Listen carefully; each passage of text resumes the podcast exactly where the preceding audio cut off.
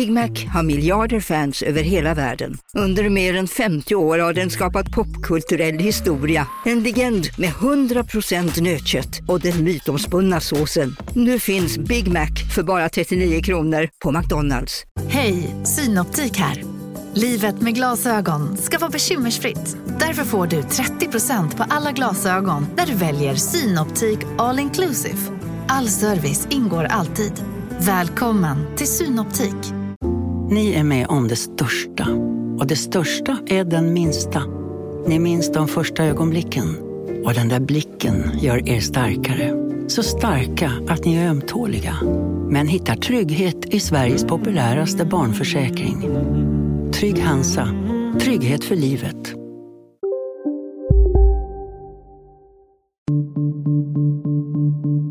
Det kan inte vara så jädra farligt heller att ta en fight. Det är ju inte precis så. Alltså på måndagen efteråt så tänkte jag okej, okay, ingen har dött.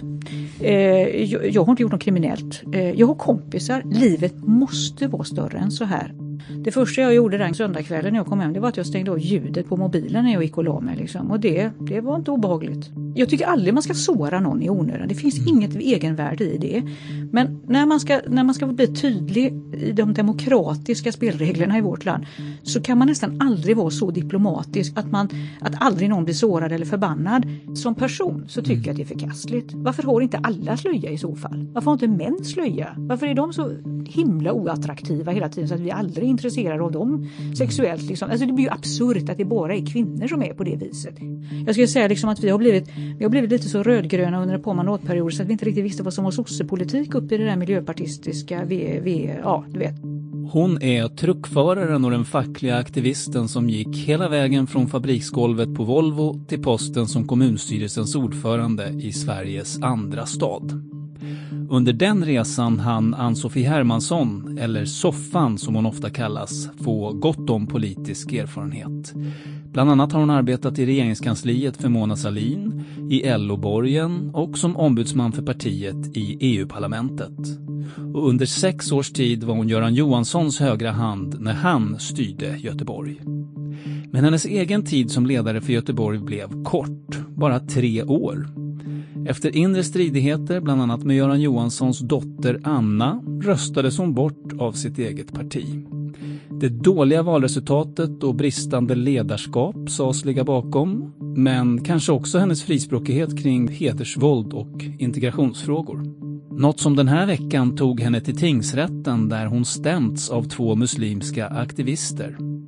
Så var ska soffan stå framöver? Åter i politikens finrum eller någon helt annanstans?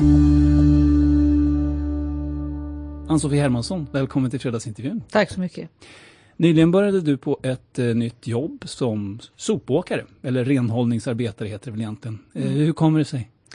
Eh, ja, när jag då eh, eh, ja, blev arbetslös eller vad man ska säga så försökte man se om sitt hus och så tänkte jag vad är det nu då som som, eh, som ligger närmast eller som är enklast. Eh, ja, då vet man ju att eh, alltså jag har helt enkelt ett gammalt C-kort. Lastbilskort? Lastbilskort, ja, tung lastbil. Och det, det, behövs lastbilschaufförer. Eh, och då blev jag varse när jag sökte, började söka eh, chaufförsjobb att har du YKB, sa de då. Nej, så jag, vad är det? Ja, det är yrkeskompetensbevis som man måste ha nu för tiden för att köra i trafik. Så då, då köpte jag en sån kurs och gick den så att jag har det eh, beviset. Och sen ja, så ringde jag till Renova i Göteborg och kollade om de ville ha behövde ha förare och det, det ville de. Så nu kör jag på timmar till att börja med för mm. det finns inget fast jobb riktigt än. Men jag hoppas på fast så småningom. Hur trivs du då? Jättebra.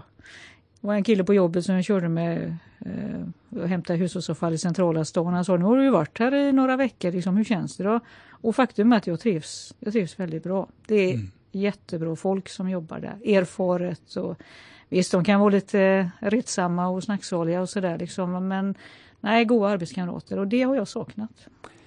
Det måste nog ses som ganska exotiskt i de flesta andra länder att någon går från att vara stans borgmästare till sopåkare. Du himlar med ögonen, men ja, så är jo, det ju. Jo, jo, Vilka reaktioner har du fått? Jo, alltså det, det, är positivt. Eh, de flesta tycker att det är bra tror jag. Roligast var, roligast var Gustavo som jag körde med första dagen. Eh, en man som kom till Sverige från Honduras typ 94 tror jag. Han hade ju ingen aning om, alltså så är det ju ofta, folk har ju ingen aning om vem jag är. Och så körde vi la halva dagen och hämtade kompost. och så till slut så ringer en, en kollega till honom och säger, ska jag käka lunch? Du jobbar med Hans Hermansson. Och vem är det, säger han. Och sen så går han på mig. Men varför har du inte talat om att du var typ eh, kommunstyrelsens ordförande? Ja, men varför skulle jag göra det? Och då hade vi hunnit att prata om, du vet, allt möjligt. Men det, den lilla detaljen nämnde du inte? Nej, det, nej han var, gick igång och började prata om religion och vi pratade om Honduras och politik, ja du vet, och allt möjligt. Och han höll på med flygcertifikat. Jättebra introduktion fick jag av den killen. Men vad tänker du ändå om någon som har bott i Göteborg sedan 1994 och inte, inte vet vem som är stans borgmästare? Han verkar ju vara en smart ja. och bildad person, men, men det säger ju någonting om ja, hur, vad ska jag säga, hur, eh, vilka bubblor vi lever i på något sätt. Ja, och så tror jag att det är, för det var någon journalist som sa det, men herregud varför vet han inte? Jag tänkte det, det är väldigt många personer som inte vet det utanför, ja precis som du säger, den journalistiska bubblan och, mm. och den politiska kanske och så. Alltså normala människor ska man inte säga, men vanligt folk vet, har inte, har inte alltid koll på vilka det är som representerar och så. Om vi nu undantar typ Göran Johansson som var ett helt unikt fenomen i, i kommunsverige. Han var så länge också. Ja, han var, mm. något längre med. Mm. Eh, Nej, jag, jag tror inte att det är helt unikt. Jag tror inte att det alla vet det fortfarande på min arbetsplats. Och så ser det ut. Mm. Det kan man tycka är, är problematiskt kanske i vissa avseenden men, men så tror jag faktiskt att verkligheten ser ut. Sen du lämnade posten som eh, gruppledare då för Socialdemokraterna i Stadshuset, det var väl i mars förra året, så mm. har du mestadels ändå varit arbetslös. Mm. Eh, hur har det varit? Ja, alltså inledningsvis ska vi vara helt ärliga och säga så gjorde det ju ingenting. Det där med att vara kommunstyrelsens ordförande är lite att vara, jobba 24-7 eller vara tillgänglig 24-7. Det första jag gjorde den söndagskvällen när jag kom hem det var att jag stängde av ljudet på mobilen när jag gick och la mig. Liksom. Och det, det var inte obehagligt. Det hade alltså, du inte gjort alltså? Tidigare. Nej, alltså man måste vara tillgänglig för stadsdirektören i alla fall när man är eh, högsta... Ifall det händer någonting. Göteborgsbranden eller ja, någon jättestor såna, grej? Ja, sådana mm. saker ska man alltid kunna vara tillgänglig. Och då, ja, då måste man ju vara det.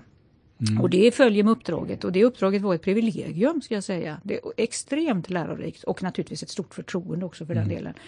Så det, jag, jag klagar inte men det, nej det var det, att, att ta det lugnt några månader där det, har inte, det gjorde ingenting. Men det är klart att i slutet så börjar man ju känna att nej, det är, de flesta av oss mår gott av att jobba. Mm. Rutiner och framförallt arbetskamrater, det, det gör oss gott. Så vad, att, vad gjorde du då under de där månaderna? Ja, vi har jobbat lite med, med någonting som vi kallar för Selma eh, institutet, det är en liten lokal tankesmedja där vi liksom försöker Eh, jobba åt, eh, mot det här med hedersförtryck, extremism och överhuvudtaget främja demokratin. så att säga. Det har vi en liten gäng som jobbar med. Sen har vi haft en ambition att försöka starta något som heter Selma folkhögskola och ta över en folkhögskola i Göteborg. Det tror jag inte, eh, ja, än så länge så ser det inte det så ljust ut så att säga. Men vi eh, tappar inte humöret för det utan fortsätter att försöka jobba med. Jag tror egentligen att det behövs folkbildning i det här mm. ärendet. Mm. Så du pysslade en del med det då? Det kan man säga. Mm. Ja, i övrigt har jag tränat och läst och sånt. Det, man kan ju passa på när man nu ändå har dagarna. Så du led inte precis eh, av att äntligen få då, om man ser det så, eh, ganska mycket tid för dig själv så att säga? Nej, det dog jag inte av. Men i längden mm. så känner man ju till slut att nej, man måste ha lite, man, det, ett arbete är ett arbete. Det känns ändå som att man, eh, ja jag vet inte, det gör en gott. Mm. I december fick du ett uppdrag av justitieminister Morgan Johansson. Du ska då leda en statlig utredning om kommunernas brottsförebyggande arbete. Va, vad är det mer konkret du ska utreda? Ja, alltså det är ganska mycket juridik eh, och som eh, tack eh, Gud och Morgan Johansson så har jag tre utredningssekreterare till mitt förfogande. Alltså jurister, dugliga eh, eh tjänstemän som verkligen kan såna här, läsa lagtexter och sånt i stor utsträckning handlar det om att se till att är det någonting i, i dagens arbete, för det, det pågår jättemycket förebyggande arbete redan ute i kommunerna, lite olika naturligtvis i en storstad och i en glesbygd och så, men eh, finns det någonting i lagstiftningen som behöver ändras eller inte? Eller behövs det ny lagstiftning kanske till och med? Min erfarenhet är ju att alltså, Sverige är uppenbart inte riktigt organiserat för eh, den sortens brottslighet som vi ser idag. Vi behöver nog tänka lite nytt här. Sen är inte det alltid sånt som går att jobba förebyggande med, men jag tror att mycket av den här samverkan mellan myndigheter, titta på sekretesslagstiftning och jag skulle säga att en del av dem jag, som jag träffat, du vet erfarna socialsekreterare och poliser som har jobbat länge i, i det här gamet, liksom, de frågar ofta efter mandat det får inte gå för långsamt saker och ting när det väl bränner till, liksom om man behöver stöd och hjälp och så. Där tänker jag att vi får försöka titta på, kan man hitta något sånt i lagrummet? Då, som, Förstärka som, deras mandat? Eller? Ja, alltså ofta är det ju så att om det händer någonting i, nu pratar vi storstadsproblematiken, det här ser ju annorlunda ut i mindre kommuner.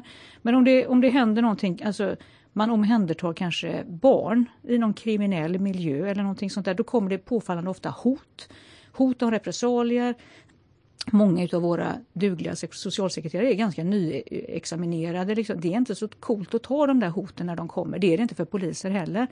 Eh, då skulle man egentligen behöva ett, ett mandat, en sorts insatsledare, eller jag vet inte vad jag ska kalla det för. Men alltså, skjut till resurserna nu, hjälp till alltså, och hissa kanske besluten också upp på den politiska nivån. Det kanske inte ska vara de enskilda tjänstemännen som fattar de där svåra alltså, besluten. Då får, då får vi, liksom, tycker jag, gå in också liksom, och hjälpa, eller vi, ja, mina efterträdare då. Och bli, och bli de som så att säga frontar det här ja. obekväma beslutet? Ja, mm. nu, nu pratar bara jag. Jag har ingen aning om, upp, utredningen har knappt, den ligger i startgroparna så att, men jag, om jag får spekulera lite ja. så, så tror jag att stöd till dem ute i linjen Alltså du vet socialsekreterare, mm. poliser, lärare som ofta hamnar i jättesvåra lägen och Ja, man kan inte bara slänga fram Göteborgs stads värdegrund och säga ah, men det här har du att luta dig på. Det, det, kan man inte liksom. Det säger ju sig självt också. Och de står ganska ensamma ibland låter det som? Då, ja, alltså jag tror nog att det finns stöd och hjälp och jag vet att i Göteborg har man jobbat jättemycket med det till exempel. Men eh, det kan säkert bli bättre. Det, mm. det, tror jag faktiskt. Det är ett exempel då. Ja, ett exempel. Och det här kopplar ju till den kanske hetaste politiska frågan just nu, hur samhället ska bli bättre på att stoppa unga från att välja en kriminell livsstil. Du var inne lite på det, men hur ser du på de problem som Sverige har just nu med det där? Det är nog ett av de allvarligaste problemen vi har. Alltså rent, rent uttalat så handlar det om att, in, att stoppa unga män från att sugas upp i de här kriminella gängen, i svansen så att säga. Ja, det skulle jag säga kanske är det allvarligaste problemet vi står inför och där tror jag vi är många som behöver jobba. Det handlar väldigt stor utsträckning om narkotika.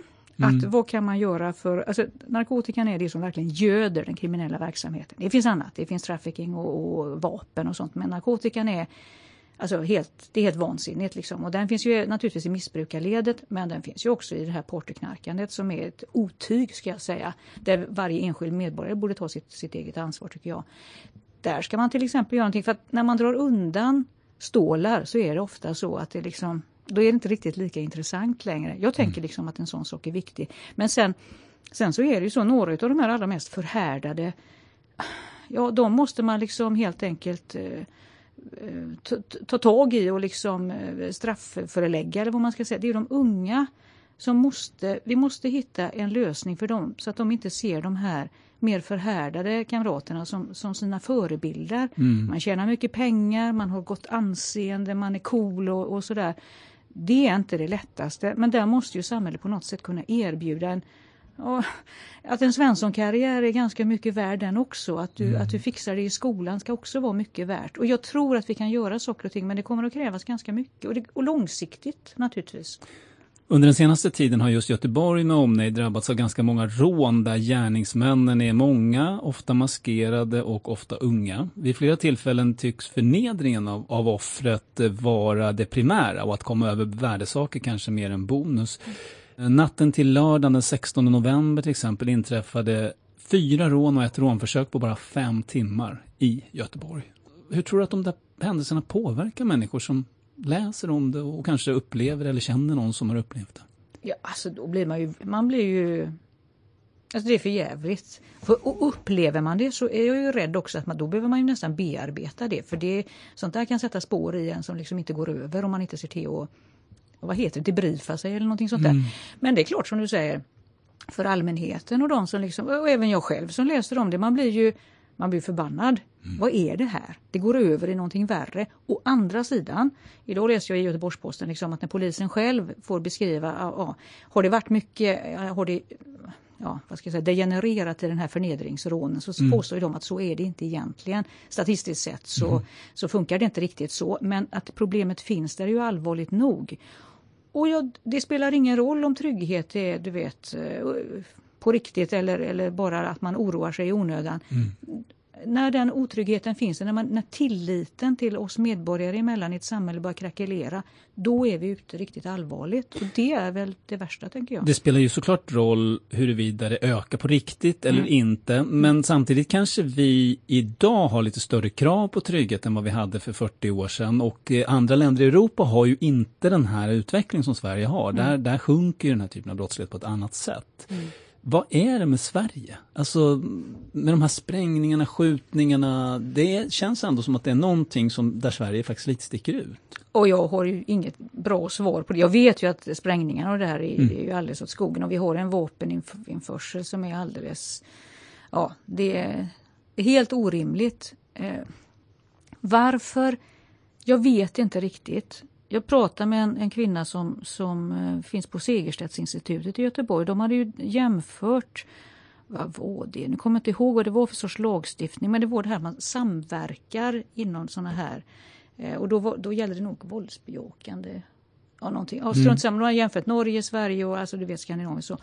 Och det visade sig på hennes forskning att lagrummet inte verkar vara så himla stor skillnad igen. Inte, inte jättestor skillnad, mm. skillnader finns naturligtvis. Men tillämpningen ibland, alltså kulturen. Mm. Där man ibland helt enkelt, ja men då får vi ju liksom gå över gränsen här och göra någonting. Om vi ser en person som håller på att trilla dit i riktigt grov brottslighet då kanske vi får fokusera på den.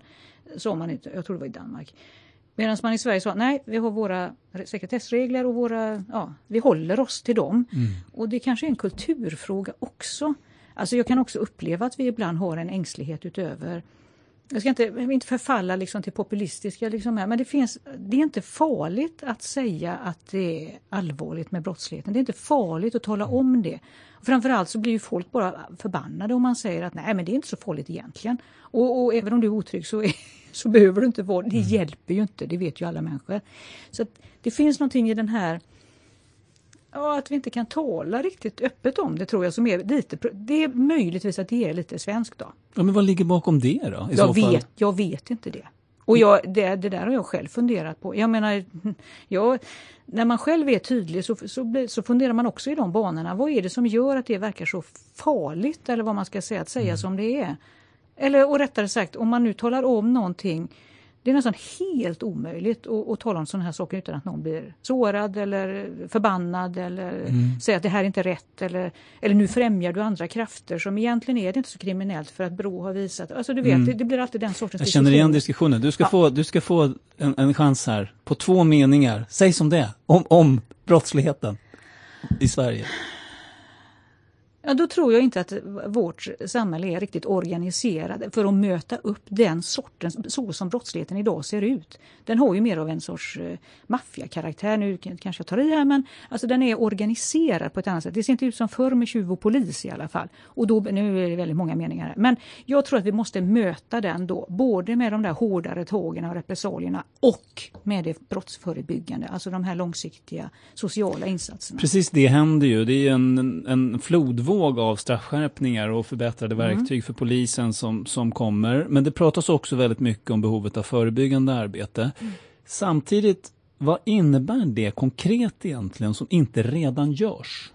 Jag tror att och nu går jag återigen till de där erfarna socialsekreterarna, eller jag som är företrädesvis Bettan Byvald i Angered, på mm. som är en legend i, i, i området. Hon, Alltså, det kanske handlar om sånt som avhopparverksamheten. Hur mycket får den kosta då? Om det nu är så liksom att det är någon som man är på väg att kanske kunna, kunna fånga och få ur liksom det här. Ja, hur, ja, är det en resursfråga då? Liksom? Är det, är det sådana saker vi ska titta på? Och när man tittar på Gårdsten i Göteborg som faktiskt har blivit undantagen ur polisens eh, särskilt utsatta område. Det är bara ett utsatt område. Mm. Det, men det har ju tagit en och herrans lång tid. Och det har inte varit helt eh, enkla saker. Mycket gårdstensbostäder. Eh, fastighetsbolaget, som, ja. Fastighetsbolaget mm. som har liksom gått in och varit väldigt tydlig med så här gör vi inte här och rensat och grejat och liksom haft ty tydliga regler så att säga. Man får inte bete sig hur som helst. Sett till att folk kommer i sysselsättning mm. i området. Och du hör ju själv, det är ingen quick fix. Nej. Men det är också ibland sådana saker som att nej, men ska man lägga sig i människor och människors integritet och så på det viset? Ja, det kanske man ska ibland. Mm. Ibland måste man ta folk i hampan kanske. Liksom, utan att det får upplevas som för integritetskränkande. De flesta kommer nog att tänka på när man pratar om förebyggande arbete att man tänker på socialtjänsten. Den är ju dock redan idag helt överbelamrad med jobb och har dessutom stora problem att hitta personal. Eh, nästan hälften av socialcheferna eh, anger i en rapport från fackförbundet Vision att de generellt har svårt att rekrytera medarbetare då till socialtjänsten. Så konkret, om det, om det ser ut så i socialtjänsten, alltså vad är det man ska skruva på? Du nämnde nu avhopparverksamhet, men det är väl också delvis socialtjänstens eh, ar arbete? Alltså jag vet inte vad man ska göra. All respekt för att det är svårt att rekrytera, i alla fall i de här jobbigare områdena. Sen mm. så kanske det inte ser likadant ut över landet. Sen ska, man ska inte blunda för att glesbygdskommuner har sina problem, även mm. om de inte liksom är samma. Liksom, va?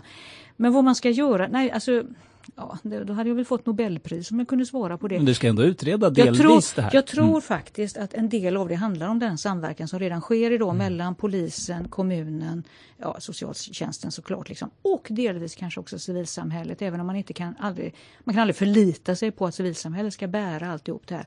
Eh, men ja, vi måste väl visa på från, från, från samhällets sida att vi, att vi tar deras arbetssituation på allvar helt enkelt. Så att den där, det där yrket kan bli attraktivt igen. För vi så det är ännu ett sånt yrke, precis som polis. Jajamän. Förstärka skolorna är ett annat exempel som ofta brukar nämnas. Mm. Eh, men där finns ju redan fördelningsnycklar i de flesta kommuner, i alla fall de större kommunerna, som ger skolor i utsatta områden väsentligt mer pengar per elev än andra skolor. Mm. Så att, är det en fråga om resurser i första hand? Ja, delvis kanske det är det.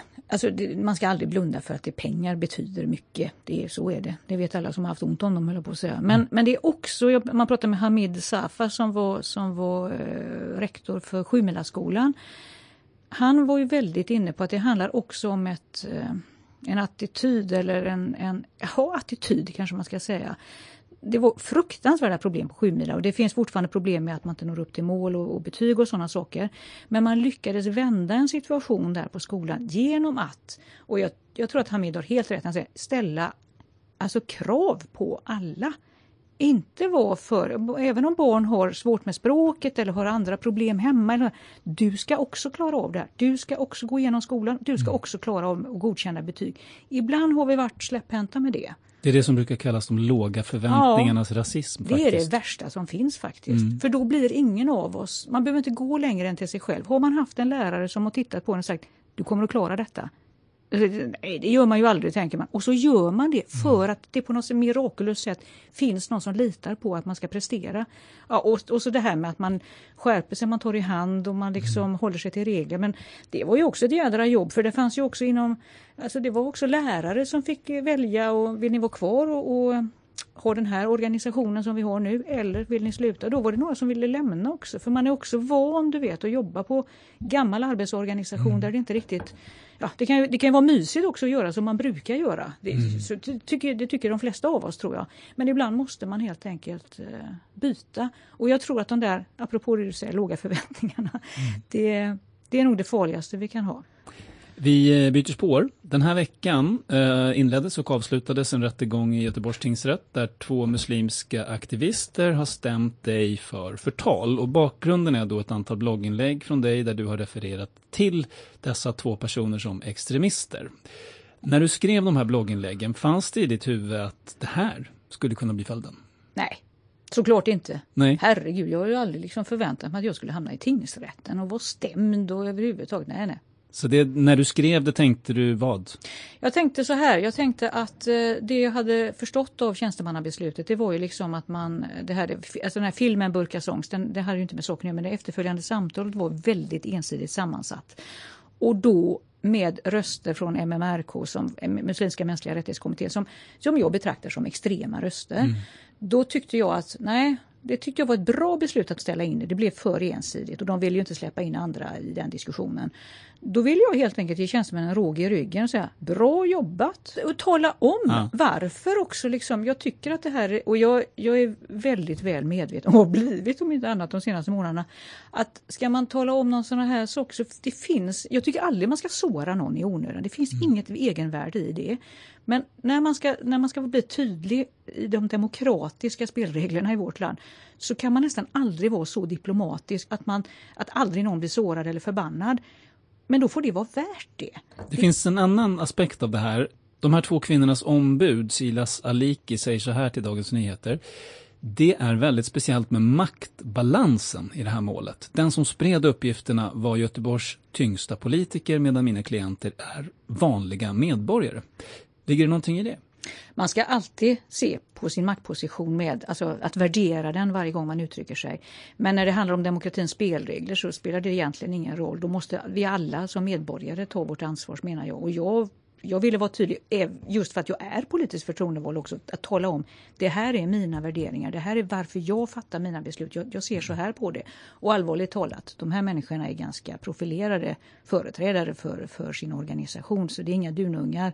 Alltså, har man, är man, eh, vad ska man säga, talesperson, offentlig person i Sverige så får man och uppriktigt sagt nästan tåla lite av det här. Så det är sagt, precis det som ska prövas egentligen, ja. hur offentliga de är. Bedömningen av om någon är skyldig då till förtal går igenom flera steg. Det första är om uppgiften som sådan är negativ för den som känner sig förtalad.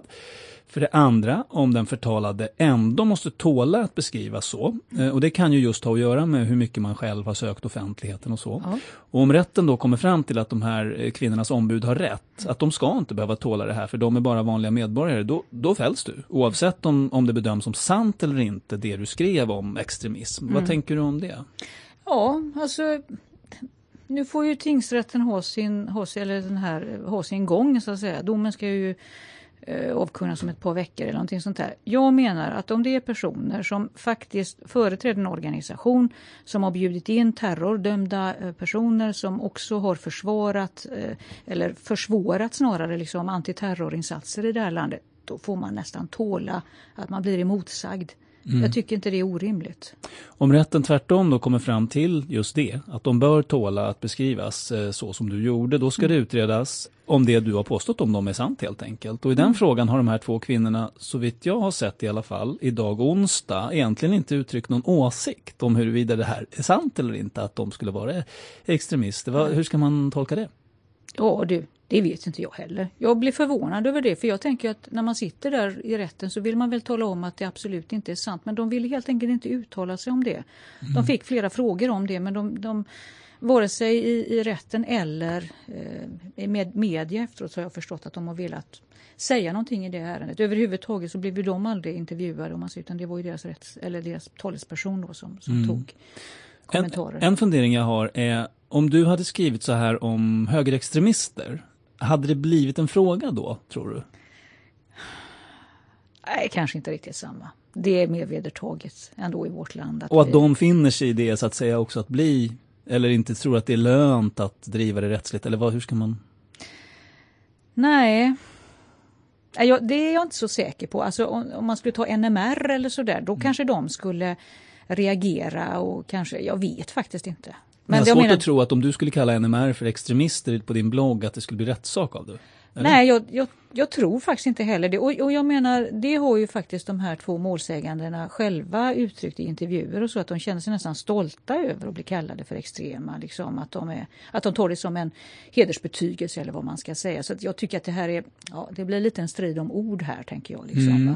Det finns ett väldigt polariserande inslag där som jag tycker är ja, det, det, är inte bra för det svenska samhället helt enkelt. Men visst, där finns, nej, jag, det, det kanske inte är så. Jag, jag, kan inte, jag vet ju inte riktigt. Nej. Vad, vad, gör du om du skulle fällas och den här domen dessutom skulle stå sig igenom alla instanser som går att överklaga till? Skulle det ändå vara ett pris värt att betala för dig? Ja. Att vara så att säga dömd brottsling då, i, i den meningen? Ja, då får det vara så. Alltså, nu, om, om det nu liksom inte går igenom tingsrätten, då får vi överklaga naturligtvis. Men jag menar då, nej. Det måste vara så att man kan följa sitt samvete. Inte bara för att det gör en gott, för det gör det faktiskt, men också för att det här är en principiell fråga. Ja, då får man väl, då får man väl förlora i så fall. Men nej, då tycker jag nog att det, det har blivit så principiellt viktigt nu. Det var som min min eh, advokat Allan Studinski, sa i slutpläderingen. Alltså det är ju som att Alltså, varje gång Jimmy Åkesson blir anklagad för att vara fascist och, och rasist, och det kan ju hända att han blir det en och annan gång mm. i partiledardebatter och så. Eh, tänk om han skulle gå till domstol varje gång han blev det. Mm. Det gör han inte. Han är ju i och för sig då, har ju verkligen sökt offentligheten Absolut. på ett sätt som man ändå inte kan säga att de har gjort. Nej, men, men, om det nu skulle, ponera att det skulle bli så att de vann. Mm.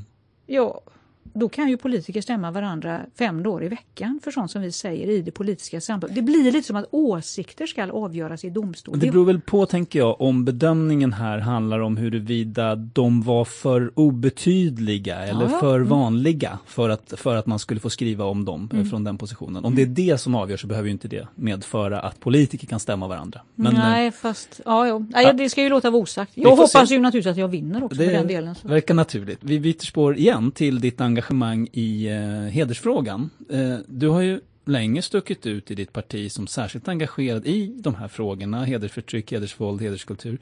Va, va, hur började det där för dig? Ja, en gång i tiden började det med att jag, en av mina bästa vänner är Nolin Pekul, dåvarande Bakshi, men mm. vi lärde känna varandra i mitten på 90-talet. Och jag blev varse att det här fanns som fenomen i Sverige. För det hade ju, jag är uppvuxen på Tjörn i Bohuslän. Alltså mm. det, det, är möjligt att det fanns, det fanns inte den Nej, typen av hedersförtryck? inte den erfarenheten hade jag inte, det kan jag säga. Och när, när Nalin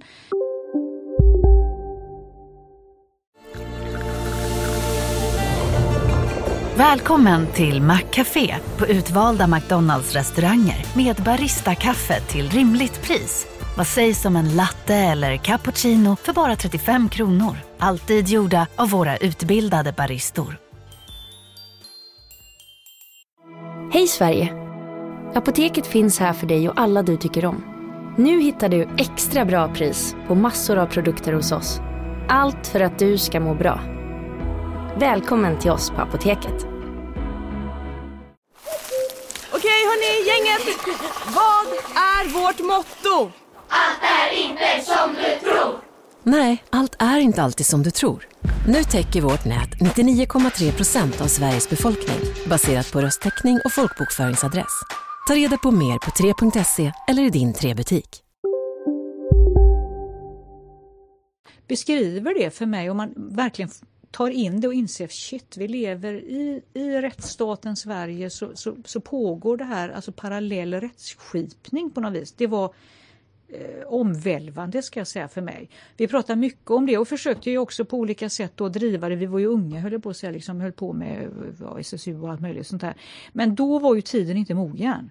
Alltså för det, att? Nej men det var ju ingen som trodde riktigt att det var så här. Det, mm. man, och sen kommer den här andra konstiga diskussionen. Nej, nej, det finns bara ett patriarkalt våld, mäns våld mot kvinnor. Och det, ser inte, det, det skiljer sig inte från det hedersrelaterade. Jo, det gör det. Mm. För det är kollektivt betingat och det drabbar såväl Eh, kvinnor som män och kvinnor kan också vara förövare. Och, alltså det är det här liksom att en hel så att säga, släkt eller klan eller vad man nu väljer att kalla det på något sätt ställer upp på den här parallella rättsskipningen. Det är det som är det annorlunda. Om det är någon som slår ihjäl en kvinna i Sverige i, i, i vanligt lika jävla förkastligt naturligtvis eh, patriarkalt våld så blir det ändå Alltså det är ingen som ser det som hederligt. Familjen rycker oftast inte in till nej, gärningsmannens försvar. Nej, och ska ju naturligtvis inte heller. Liksom, Så det är viktigt att särskilja det för att annars osynliggör man de här kvinnorna som, som i större, det finns män också som har blivit mördade så det är bra med det. Men, men det här var före Fadime till och med då som ja. du, som du liksom fick upp ögonen för ja. detta och, och Nalin Pekul om jag minns rätt var ju till och med eh, inblandad i Fadime och försökte hjälpa den tjejen. Och flera andra kan man och flera andra. säkert. Mm.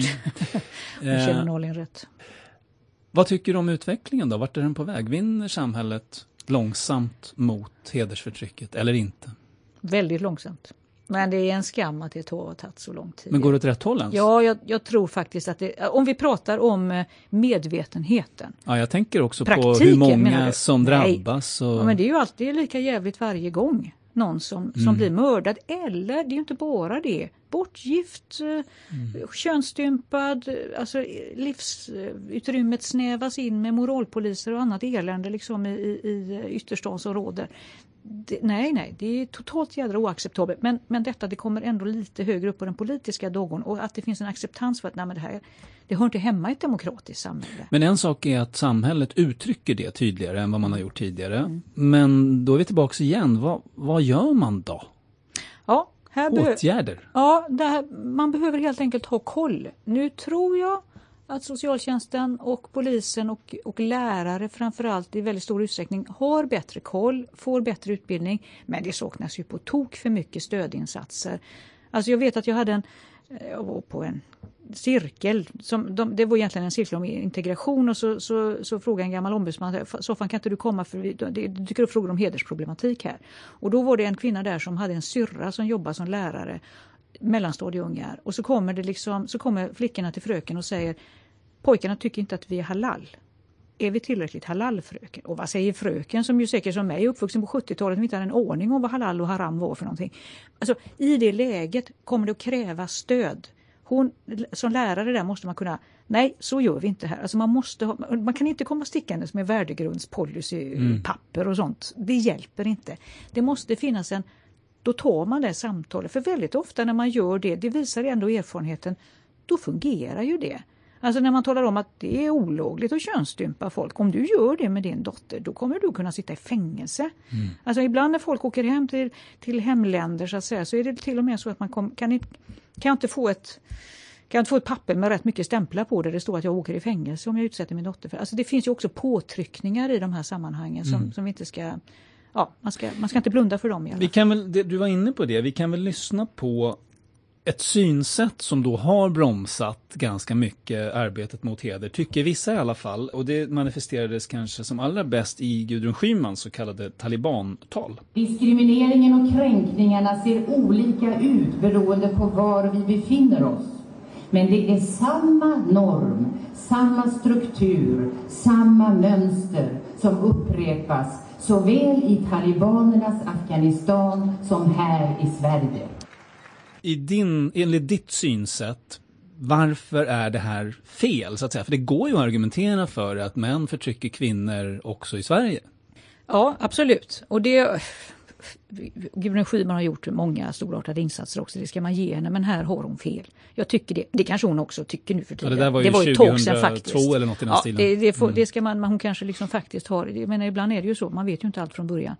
Um, nej men det handlar ju om att man osynliggör de här specifika situationerna. Alltså det finns, när man kommer till folk som inte haft koll på hur det hedersrelaterade systemen fungerar och, och någon flicka kanske till slut vågar sig till kuratorn på skolan eller någonting sånt där så har du ju haft en del exempel där, där de kallar in föräldrarna. Ja men då ska vi på svenskt manér prata om liksom, det, då hamnar ju hon i skiten naturligtvis. Mm. Liksom. Så, vad ska hon göra sen? Hon kan ju aldrig mer, liksom, för då blir föräldrarna, då fattar ju de, okej okay, du har pratat, talat om, kallat på oss. Mm. Alltså, det, alltså det måste, man måste se att här krävs det speciella insatser. Och så det, det handlar om kunskap mycket då? Kunskap egentligen. och eh, metoder för hur ska man i så fall eh, möta de här och männen. Mm. Alltså det är ju inte alla pojkar heller som tycker att det är så himla kul kanske liksom att bli eh, väktare till både stora systrar eller småsystrar. Liksom. Alltså, eller för den delen liksom män som också åker, för,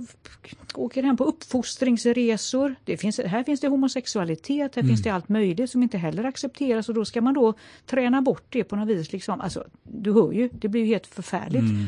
Och det måste man klara av att se att det, att det faktiskt är så. Ja, mycket kunskaper, ja.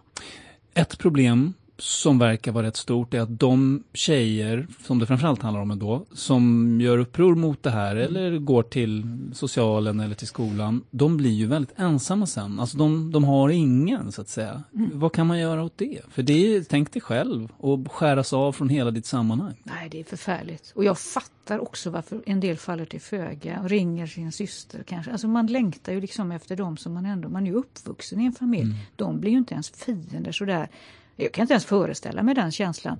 Eh, Mikael Törnqvist har skrivit den här boken Fotbollshoran och där är det verkligen i slutet, nu ska jag inte spoila liksom, för den boken ska man läsa för den är så himla bra.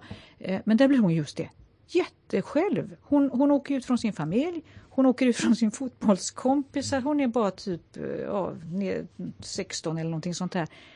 Alltså nej, så, det, vi måste nog hitta någon lösning där så att man, att man ändå liksom blir eh, ja, inte ensam, för det, det är dåligt för, för att det här ska fungera i förlängningen. tror jag. Ja, det blir en väldigt stark eh, avskräckande Ja. faktor från att, att våga. Så att. Ja, Mm. det blir det. Ja, då, då står valet där mellan, eller till slut kanske man väljer alltså någon sorts eh, ja, att bli bortgift eller vad som helst nästan för att ändå Mm. finnas i sitt sammanhang eller vad man ska säga. Det tror jag har hänt för många gånger.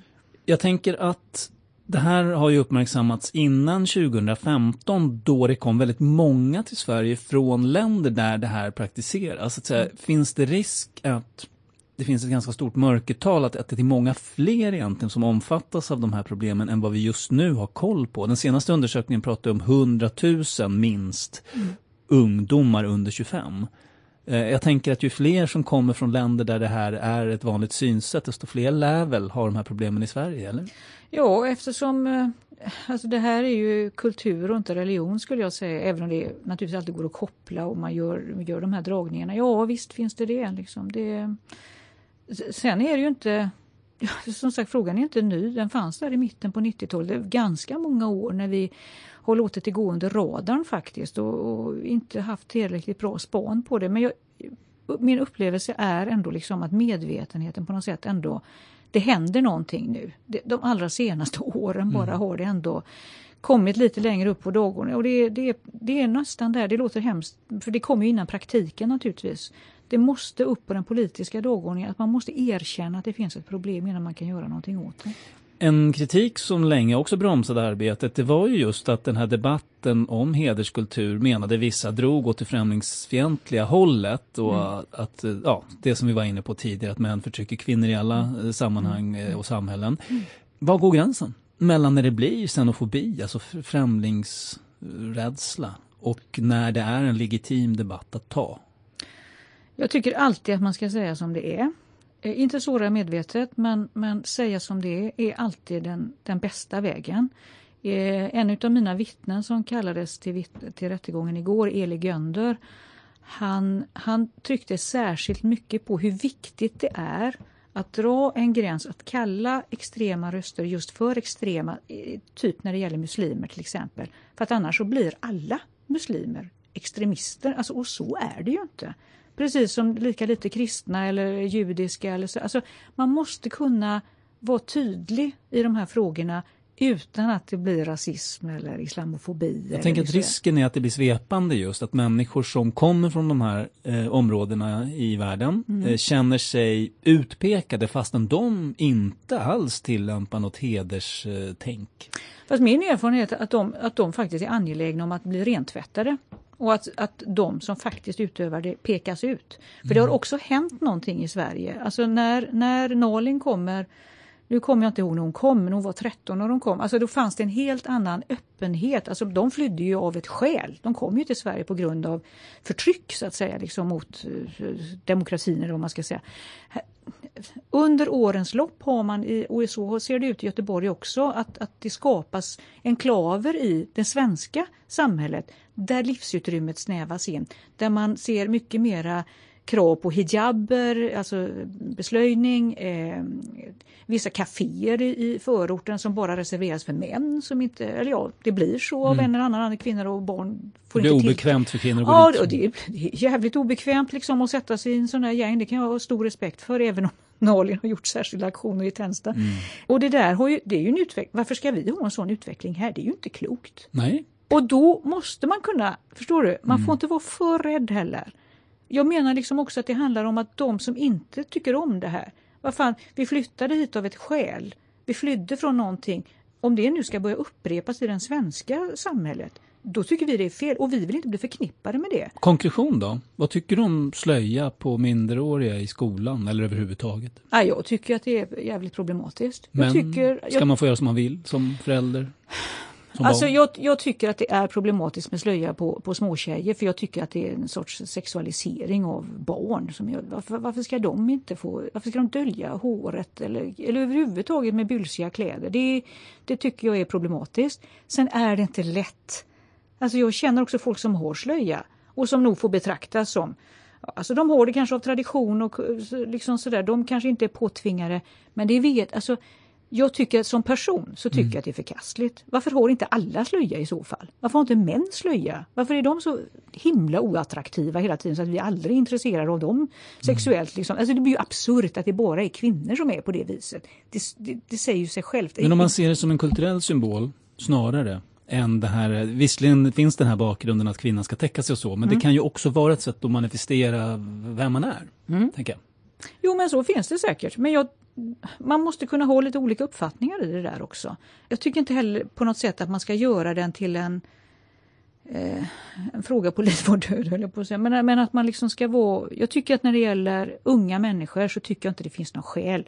Varför- Ska det förbjudas då i skolan tycker du? Ja, det, det tycker jag man faktiskt att man kan diskutera. Så det Men där hade- vet jag att man kan tycka olika. Jag är med- medveten om det. Men jag tycker att det är problematiskt. Framför allt måste det vara så att ungarna själva, tror jag, är de som ska få bestämma. Vi ska inte ha några poliser ute på förskolan som, där mamma och pappa har sagt att tar hon av sig slöjan så får du sätta på den igen. Nej men hur vet man att det faktiskt är barnens självständiga vilja att bära det där plagget? Det, det, kan ju vara en gråzon där. Nej, och just därför menar jag, där, där tycker jag vi ska ta en diskussion om det. Ska det vara så att vi kan, faktiskt kanske ska ha ett förbud på, ja, jag vet inte riktigt vad, den ålder, ålder Mm. när, när de är vuxna nog på något sätt att fatta sina egna beslut. Men sen är inte frågan lätt. Man pratar med folk som, alltså om man har satt på sig en slöja i så unga år av ett eller annat skäl, Mm. kanske påtryckningar, det är inte så himla lätt att klä av sig sen för det är lite som att klä av sig naken Anna. Mm. Ja, jag, jag tycker det är skitsvårt. Jo, det är, det är uppenbarligen Det- svårt för många. Ja. Eh, vi, vi går till eh, ett annat ämne. Mm. Den eh, 3 mars förra året vid en extrainsatt distriktskongress Mm. röstades du bort som gruppledare för Socialdemokraterna i Göteborg. Vi kan lyssna på vad du sa på presskonferensen. Ja, vad ska man säga? Ibland här i livet så, eh, så får man ta en rejäl fight för det man eh, tycker är rätt och riktigt. Det här var ett sådant tillfälle. Eh, att jag inte lyckas vinna den fighten är förstås en motgång. Men det hade varit en avsevärt större förlust för mig om, eh, om jag hade vikt ner mig och inte stått upp i ett skarpt läge. Eh, det handlar för min del om, om anständighet och om integritet. Eh, jag kommer med fast blick och kunna se mig själv i spegeln eh, när jag kommer hem ikväll. Och därmed så har jag inga problem att gilla läget faktiskt. Mm. Var det så när du kom hem den kvällen? Ja, faktiskt. Det där med att följa sitt samvete, det låter lite klyschigt här och högstämt, men det gör en gott. Det finns någonting i att gå med flaggan i topp faktiskt. Som, eh, Jag har sett andra som har fått lämna under olika former. Och det, om man låter det där gå under skinnet på sig så är, ja, man kan ta stryk av sånt. Men jag kände faktiskt att nej, jag var ju väl medveten om att priset kunde bli ungefär det det blev. Mm. Att, jag, att jag blev bortröstad eller vad man ska säga. Men faktum är att det, det spelar lite roll att man kan gå med rak rygg efteråt. Mest för ens själv faktiskt. Ja, för att det kan ju vara, alltså man för, egentligen förväntas man ju gå eh, tyst så att säga. För man, partier och organisationer vill inte gärna ha sitt inre liv liksom uppfläkt för offentligheten och det bidrog ju du till. Mm. Hur tänkte du kring det? Alltså det är verkligen vanligt att man, och det fick ju jag väldigt många påtryckningar om. Eh, kan du inte bara glida ut i tysthet och säga att nej nu, nu drar jag av, av hänsyn till partiet. Det är så vi brukar göra. Och jag säger inte bara vårt parti. Men jag tyckte också liksom att här fanns det en, en sorts eh, kampanj som liksom faktiskt hade varit lite i- det här är mitt perspektiv. Ja. Eh, vad- ska jag säga, inte, inte seriös. Alltså, jag blev inte bedömd på, för det som, ja, det fanns en kampanj där som ryktesmässigt ja, gav uttryck för en del saker. Och då tänker jag, nej, det får finnas gränser också för hur, när, när, var går gränsen? Vad är det egentligen som är bra för ett parti och inte? Och då tänker jag, det kan inte vara så jädra farligt heller att ta en fight. Det är ju inte precis så. Alltså, på måndagen efteråt så tänkte jag, okej, ingen har dött. Eh, jag, jag har inte gjort något kriminellt. Eh, jag har kompisar. Livet måste vara större än så här. Alltså det blir inte en sån katastrof. Man, det handlar lite om vad man själv gör det till också. Ska jag säga. Men vad Men det handlar du? om hur man går. Ja, jo det gör det ju. Men vad menar du var det verkliga, eller enligt dig, det viktigaste skälet till att det hamnade där? Alltså det, det tråkiga, krassa svaret handlar om makt. Som det ofta gör i olika sammanhang. Att någon annan maktkamp. ville ha makten istället för Tyckte dig? att jag kanske liksom hade tillskansat mig för stort inflytande eller makt. Jag, jag, ja, Men det måste väl ha handlat om vad du gjorde med makten Ja, också? naturligtvis. Men Mm. jag tror också liksom att det... Ja, det här kommer låta kaxigt. Jag tror att det gick lite, lite bra Mm. Faktiskt. Och vad var det som gick bra? Ja, att vi syn synliggjorde socialdemokratin på ett sätt som jag tror inte hade varit... På ett par mandatperioder så hade vi varit... Vi har, vi har varit rödgröna länge i Göteborg. En koalition mm. med V och, och, MP som har gagnat oss väl. Inget snack om saken. Men i en tid när Göran Johansson var vår gruppledare och när vi hade, inte vet jag, 36 procent eller någonting sånt där. Då var det tydligt vad som var socialdemokrati i den här koalitionen. Jag skulle säga liksom att vi har, blivit, vi har blivit lite så rödgröna under ett par mandatperioder så att vi inte riktigt visste vad som var sossepolitik uppe i det där miljöpartistiska, v, v, ja du vet. Mm. Men, och det men, sa jag också när jag tillträdde. Det kommer att vara, svida lite kanske men jag, jag kommer att vilja profilera socialdemokratin igen. För det är inte samma sak som V och MP. Nej men om det, alltså om det gick så bra och du lyckades med det, varför skulle de vilja få bort det av den anledningen? Därför att V och MP blev ju inte heller överlyckliga. Nej, alltså här, finns det, här finns det ju naturligtvis också koalitioner, koalitioner som, som såg att eh, ja, om jag nu fick ett stort inflytande i mitt parti, eh, om V och MP blev skitförbannade på mig. Alltså det är klart att man Ja, mm. och sen finns det andra pusselbitar. Det här med det hedersrelaterade var också en sån. Alltså jag blev väldigt tillsagd under hela valrörelsen att tona ner det där. Mm. Prata inte. Av vem då? Ja, mitt parti. Alltså, men vad är det? Partiet? Alltså det är inte en person. Partiet är inte en person. Nej, alltså, men om, det... min, om min distriktsstyrelse. Ah, Okej, okay. Anna Johansson till exempel. Då. Ja, det är mm. partiet. Eh, om vi backar till valet då, 2018, då ditt parti gör sitt Eh, sämsta val väl någonsin mm. egentligen. 20,4 procent av mm. göteborgarna hade ni bakom er. Mm. Eh, när du säger att det gick bra, det var ju ingen vidare Nej, bra. Valresultatmässigt Nej. absolut inte. Och hur blev reaktionen på det? Nej, men det är klart att det var, det, det, var roligt att vi trots allt blev största parti fortfarande för att det var ju opinionsmätningar på... Ja, vad visade de när det var de, som värst? Vi var ju nere på 13-14 procent eller någonting sånt där under V och du vet och det fanns nog folk som trodde att det där skulle bli ett faktum. Jag tror att vi hejdade tappet. Under ett par mandatperioder, första liksom gick vi från 36 ner till jag vet inte vad det var, men det var, vi, tappade, vi har tappat stort två, två val i rad. Mm. Nu hejdade vi ändå tappet, men det var inte bra. Nej, och, jag är inte nöjd med det valresultatet. Vilket, vad, då kan du inte ha gjort allting rätt så att säga. Vad var det du gjorde minst rätt? Där ja, att vi, inte, att vi inte klarade av att hejda, att vi inte lyckades profilera partiet tillräckligt mycket. För jag tror egentligen att om folk ser en, en socialdemokrati med självförtroende och framtidsvisioner så är man beredd att faktiskt rösta på oss. Så du skulle ha gjort mer egentligen av det där att eh, liksom prata sossepolitik snarare än att säga, liksom, ge, ge sken av att ni var en del av en grön-röd koalition? Så ja, så tycker jag. Ja? Men så tycker inte mitt parti. Nej, det gjorde de inte då får man ha respekt för det. En del av kritik kritiken mot dig där gick ut på att du körde ditt eget race i valrörelsen. Bland annat just att du betonade det här med hedersförtryck ja. mycket mer än vad som var överenskommet som kampanjstrategi egentligen då. Mm. Och, håller du med om det? Alltså jag är en helt normal sosse. Mm. Mitt i mitten och lika grå som liksom, jag vet inte, inte speciellt radikal om jag ska vara Jag säger alltid typ helt normala sossegrejer. Vård, skola, omsorg, arbete och bostäder, alltihopa det där. Det där kör vi i våran ryggmärg. Så det sa jag precis lika mycket som jag alltid gör. Mm. Men ja, jag har lagt till det här perspektivet. För i Göteborg Alltså, ingen sosse kan ha lägre ambitionsnivå än ett jämlikt samhälle mm. och då gäller den här gamla retoriken. Men om vi ska lösa den frågan så som samhället ser ut idag med de problemen ur demokratisk synvinkel med hedersproblematik, extremism och annat, då måste detta läggas till. Och där hade du inte partiet med dig i kampanjstrategin än så att det skulle vara en viktig del? Alltså inte, nu skulle de säga så här att ungefär så här fick jag höra att du har visserligen rätt i de här frågorna Soffa, men du behöver inte betona det så mycket. Kan ungefär så. Men kan det handla om att man är rädd att skrämma bort väljare som kanske bor i utsatta områden och känner att de på något sätt, ja, att det låter för mycket SD helt enkelt? Då, det ja. Det är det? Ja. Ja, så tror jag att det finns krafter i vårt samhälle där man, som liksom tycker att vad fan är det här?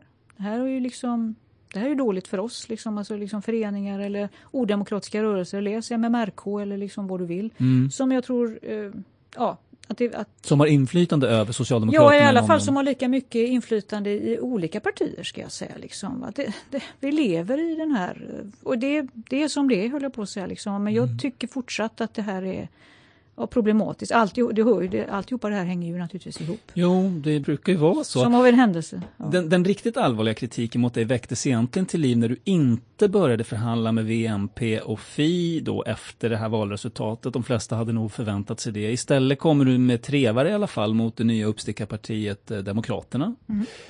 Varför ville du inte göra upp med de rödgröna tillsammans med dem? Hade ni väl mandaten för att kunna fortsätta styra egentligen? Nej. Inte helt och hållet. Nej. Ni behövde något ytterligare. Nej, vi hade haft, eh, jag tror vi hade haft 36 av 81. Ni hade i alla fall varit största konstellation va? Ja absolut, men det hade ju inte hjälpt. Nej. Alltså grejen är när maktförhållandena ändras på det och när vi får ett helt nytt parti som, Mm. som växer och blir det andra största partiet. Man ska komma ihåg det, sossarna var störst men, men Demokraterna var och är Mm. andra största parti i Göteborg. Alltså då kan man inte hålla på och tänka att Nej, men jag vet vad vi gör, vi gör som vi brukar för det känns lite mysigt. Då måste man på något sätt tänka okej nu ser det ut så här. Vad är bäst för stan? För det, så pass, det är lite där jag är. Och sen också krasst, vad är bäst för mitt parti? Men var det förankrat då? Att börja förhandla med Demokraterna lite grann? Jag skulle säga att det är väldigt stor utsträckning, väldigt länge Mm. i eftervalsdiskussionen i min styrelse så hade jag väldigt bra mandat. Både att, prata med Demokraterna, alltså vara väldigt open-minded, prata med alla, jag pratar med V och MP också. Men jag var också väldigt tydlig med att säga att det, det här kanske inte kommer att bli något för vi, vi har trots allt inte den situationen längre som vi hade innan valet. Så, ja. Men Mm. det är klart att de blir arga, det, det fattar jag ju. De vill ju naturligtvis, för de har ju inte riktigt samma läge i, i det andra. Och jag, nu blev det ju, när jag har gått så har man gjort precis, precis som jag föreslog och det tycker jag är bra. Så man har pratat med Demokraterna ja. Men, Ja, men, man, är, man går själv, man lägger en egen budget som Just det. parti. Och det, Mm. det var egentligen mitt. men resultatet av det du gjorde blev enligt dina kritiker då, eh, ja eller det är ju ovedersägligt så att Socialdemokraterna hamnade i opposition för första gången på 24 år. Mm. Men en källa beskrev det så här för tidningen Fokus. Mm. Efter de här turerna hade man fipplat bort alla sina chanser. Socialdemokraterna finns inte med i ett enda presidium i nämnderna och i bolagen. Man har ingen insyn och påverkan. Katastrof. Det var enligt den här personen i alla fall då resultatet av din strategi. Det låter ju inte så bra. Nej, det låter inte så bra. Men håller du med? det. Ja, alltså det är ju ett faktum att det blev på det viset. Men det handlar ju också om att Vänsterpartiet satte sig i knät med Alliansen och liksom gjorde upp om presidieposterna. De var helt enkelt in, intresserade av de här arvoderade posterna. Mm. Ja, det kan man ju ha synpunkter på. Vad ska jag göra liksom? De röstade igenom det. Men var du en dålig maktspelare? Ja, det är möjligt att man kan tänka. Men sen var det också så. Man ska, till mitt försvar ska jag säga att vi har haft makten i 24 år i Göteborg. För en borgerlighet som var väldigt tunn, och idag är en extremt tunn alliansstyre på 24 mandat eller vad de är.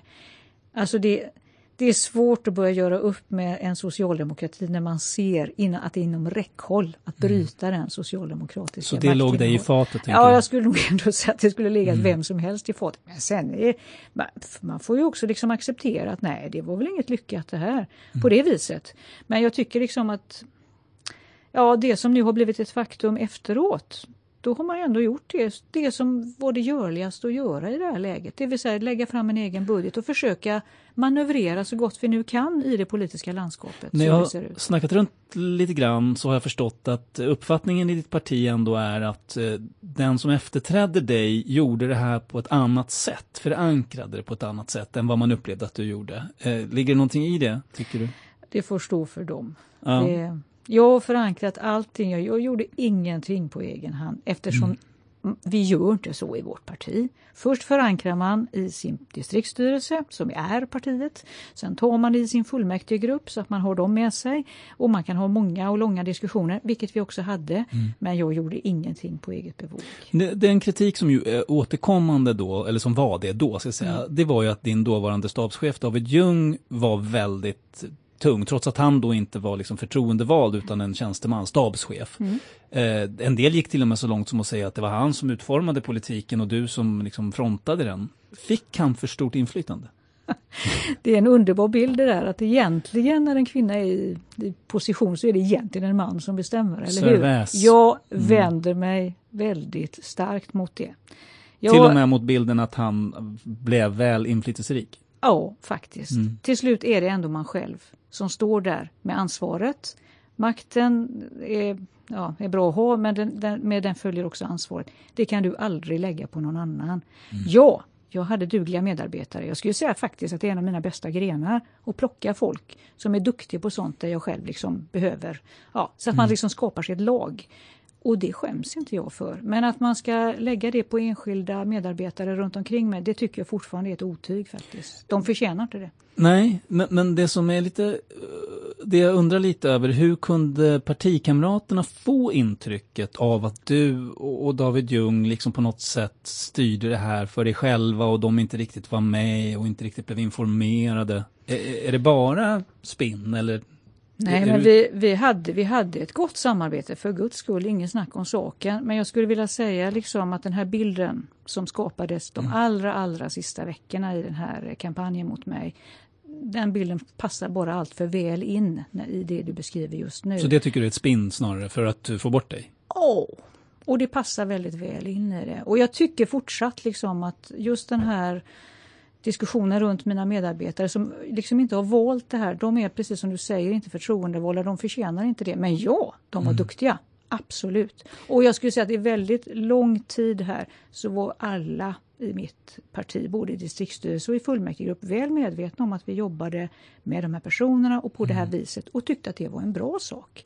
Det verkar inte ligga för dig, men du får försöka svara på frågan ändå. Finns det någonting du skulle ha gjort annorlunda om du fick liksom chansen igen? Det... Ja, det är det säkert. Alltså, man, kan, man ska aldrig, så redig är man inte. Man måste alltid kunna rannsaka sig själv. Men i de stora dragerna, och det, jag förstår att det låter kaxigt, liksom, va, så är jag jag gjorde det som jag tyckte var bäst för stan och jag gjorde det som jag tyckte var bäst för mitt parti.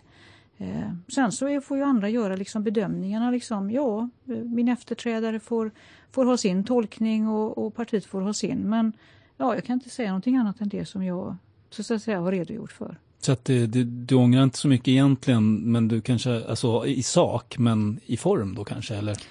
Ja, eller så kanske jag hade behövt ett större politiskt ego för att klara av den här maktkampen. Men skitsamma, nu är jag den jag är. Ja, jag är rätt nöjd med tillvaron ska vi erkänna också. Så. Det är bra. Ja. Till sist, då, många man pratar med beskriver dig som en lysande kommunikatör och en, en liksom gudabenådad opinionsbildare. Jesus, ja. Men att vara politisk ledare handlade väl minst lika mycket om att lyssna in andra synpunkter och samla människor kring en gemensam idé så att säga. Var du svagare där?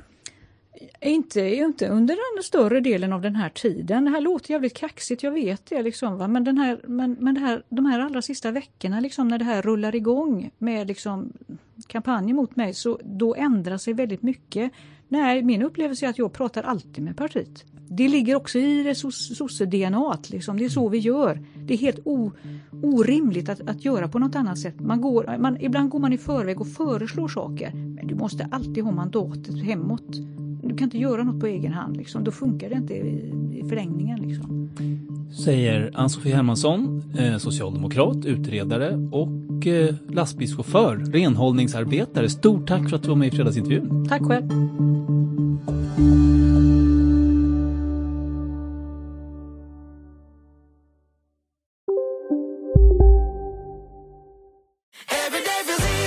Som medlem hos Circle K är livet längs vägen extra bra. Just nu får du som ansluter dig 50 öre rabatt per liter på de tre första tankningarna och halva priset på en valfri biltvätt. Och ju mer du tankar, desto bättre rabatter får du. Välkommen till Circle K. Välkommen till Maccafé på utvalda McDonalds restauranger med Baristakaffe till rimligt pris. Vad sägs om en latte eller cappuccino för bara 35 kronor? Alltid gjorda av våra utbildade baristor. Hej, Susanne Axel här. När du gör som jag och listar dig på en av Krys vårdcentraler får du en fast läkarkontakt som kan din sjukdomshistoria. Du får träffa erfarna specialister, tillgång till lättakuten och så kan du chatta med vårdpersonalen. Så gör ditt viktigaste val idag, lista dig hos Kry.